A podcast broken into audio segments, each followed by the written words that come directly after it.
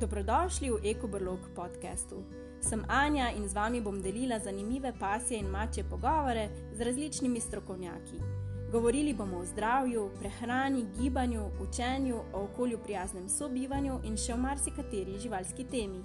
Skupaj bomo raziskovali, kako ustvariti zdravo in srečno življenje za nas in naše živali. Vabljeni k poslušanju!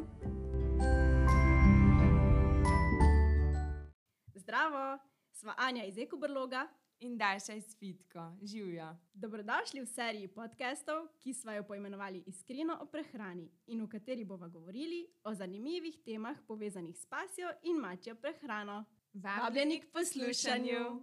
Dobrodošli v novi epizodi v seriji podkastov Iskreno o prehrani. Uh, Danes bomo z Dašo iz Fitko govorili o oljih v pasji prehrani.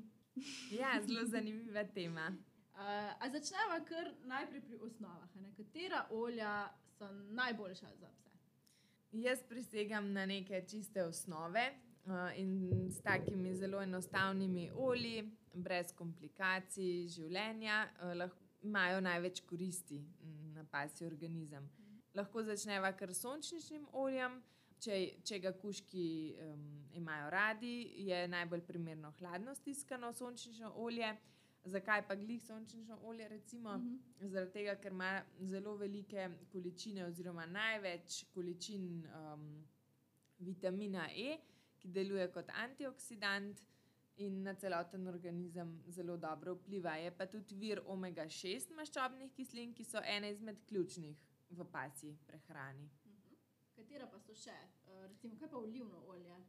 Ja, olivno olje je uh, kužku sicer doprinese k um, energiji, uh, ima pa več omega-9 maščobnih kislin, ki pa pri kužkih, m, na splošno pri psih, um, ne doprinesejo nič kaj zelo, zelo posebnega. Kar pa doprinesejo, pa če ga jemo mi.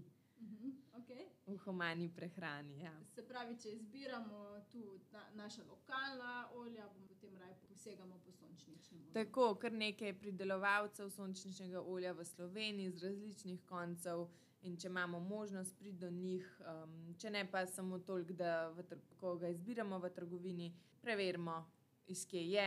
In uh, zelo je fajn, da, je ol, da so nasplošno olja, pa bomo bova mogoče še govorili kaj o tem, uh, v stekleni embalaži, ne v plastični embalaži. Meni se zdi, da je tako, bom rekla, čist, na splošno pogledano, olja, ki so v stekleni embalaži, so ponovadi bolj kakovostna, ker so bolj draga, pa že embalaža ja. Sama je dražja potem. Uh, Tako, eno, ena stvar je to, druga stvar je pa tudi to, da so te steklene embalaže večkrat tudi zatemnjene oziroma Mhm. črne, kar pa tudi pozitivno vpliva na ohranjanje uh, kakovosti olj. Tako da je win-win. Imaš že v Tako. startu bolj kakovostno olje, pa še lažje ga ohranjaš. Tako, tako. Uh, Kaj pa recimo olja, kot je laneno olje, konopljino olje, zadnje čase veliko slišimo o tem.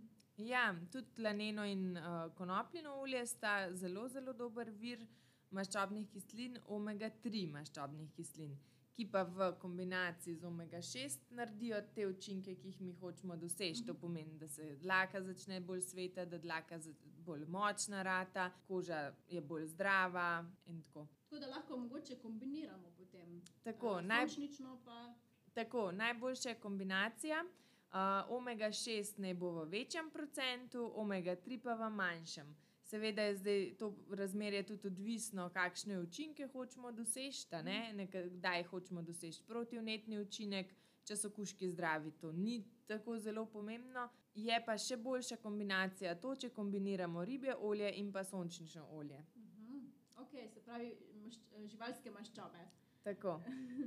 Katere pa so še, oziroma ne, te bom vprašala kar tako, ko smo že pri ribljem olju. Katero ribje olje, kako ga izberemo? Zelo je pomembno to, da ne izbiramo ribjega olja, ki je narejeno iz ribjih jeter.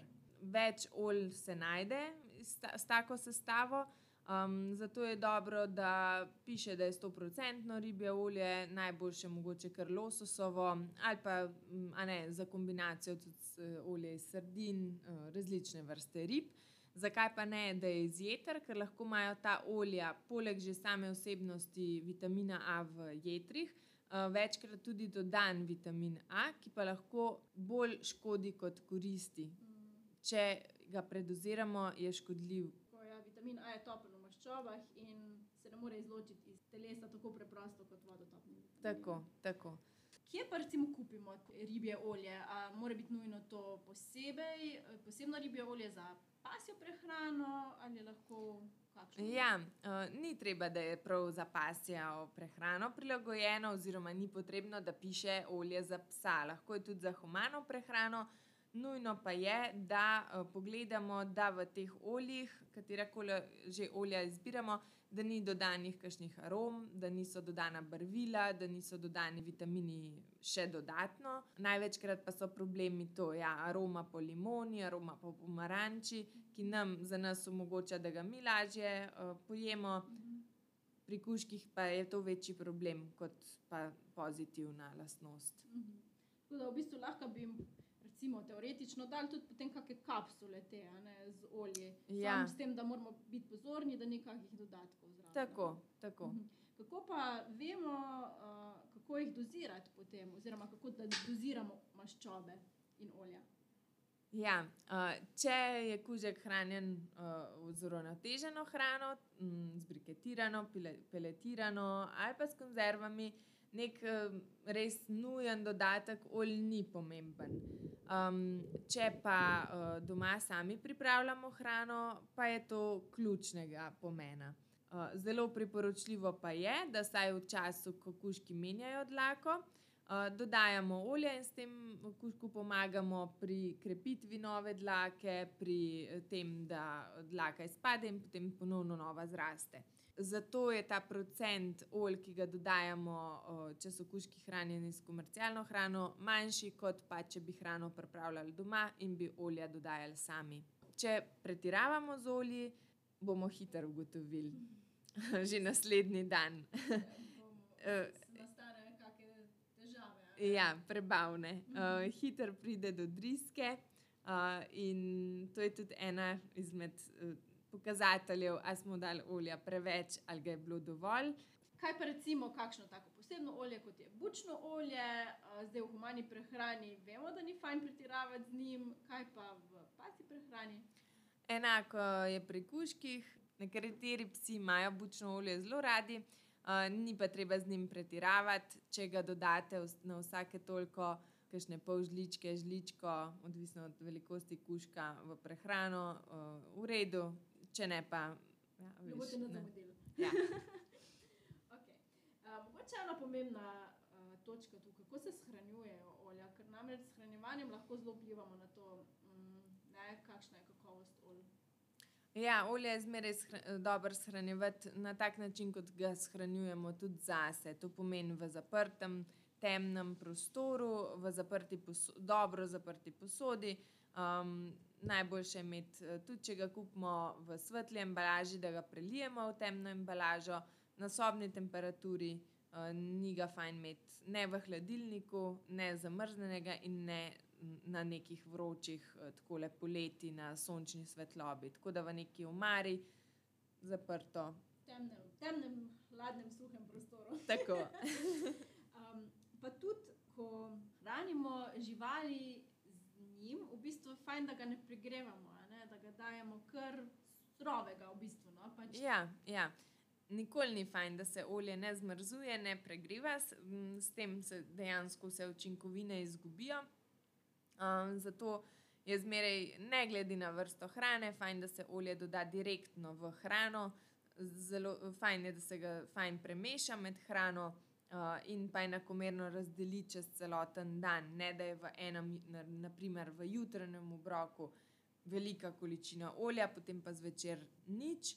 Seveda to govorim v, tukaj samo o a, doma pripravljeni hrani, Mhm. ker olja so dejansko že vkomponirana v briketih oziroma v, v suhi in mokri hrani in nek dodatek dejansko ni potreben.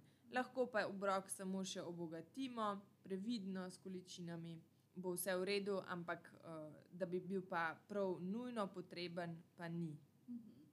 Super. Jaz bi tu še mogoče dodala, da tudi če dodajate recimo maščobe prehrani, potem uh, ne hrane predolgo puščati na, na zraku, oziroma da si lahko kuža hodi po volji. uh, grizljat, ker namreč, ko je maščoba izpostavljena zraku, se že začne kvariti. In če ne drugega, mogoče kuški tudi prej zaznajo uh, ne, kvarjenje maščob in mogoče jih bo to odvrnilo potem od hrane. Ja, zato se pa večkrat zgodi, da če so briketi nekaj časa nastavljeni, jih kuški sploh več ne povohajo. Ne? In, um, maščobe, ko se pokvarijo, uh, ni nujno, da se jih že zavoha, da so pokvarjene žarke. Kuški ima pa bolj izostrene noske in točno vejo, da nekaj ne štima.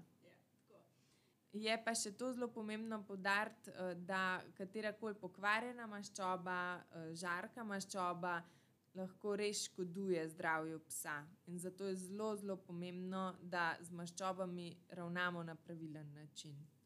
Ja, izbirajte kvalitetne maščobe, kvalitetna olja, tako bodo imela najboljše učinke na zdravje živali, in potem tudi ravnajte z njimi tako, da bodo tudi ostala kvalitetna. Mislim, da smo povedali dosti o maščobah. Tako, jaz mislim, da smo kar naredili en tak lep pregled. Če koga še kaj bolj specifično zanima, nam lahko napiše. Ja, najni kontakti bojo v opisu epizode. Javite se z kakimi vprašanji, mi dve sicer že imamo nekaj tem pripravljenih za, tale, za tole serijo podcastov, ampak bomo vesele vaših vprašanj, vaših predlogov za različne teme. In, uh, skupaj poiščemo odgovore na kakšna pereča vprašanja v povezavi s prehrano. Tako da hvala lepa za pozornost v tej tretji epizodi v seriji podcastov Iskreno v prehrani. Hvala, Daša. Hvala tebi, Anja. In se vidimo naslednjič. Ne se vidimo in se slišimo naslednjič. Dio. Dio.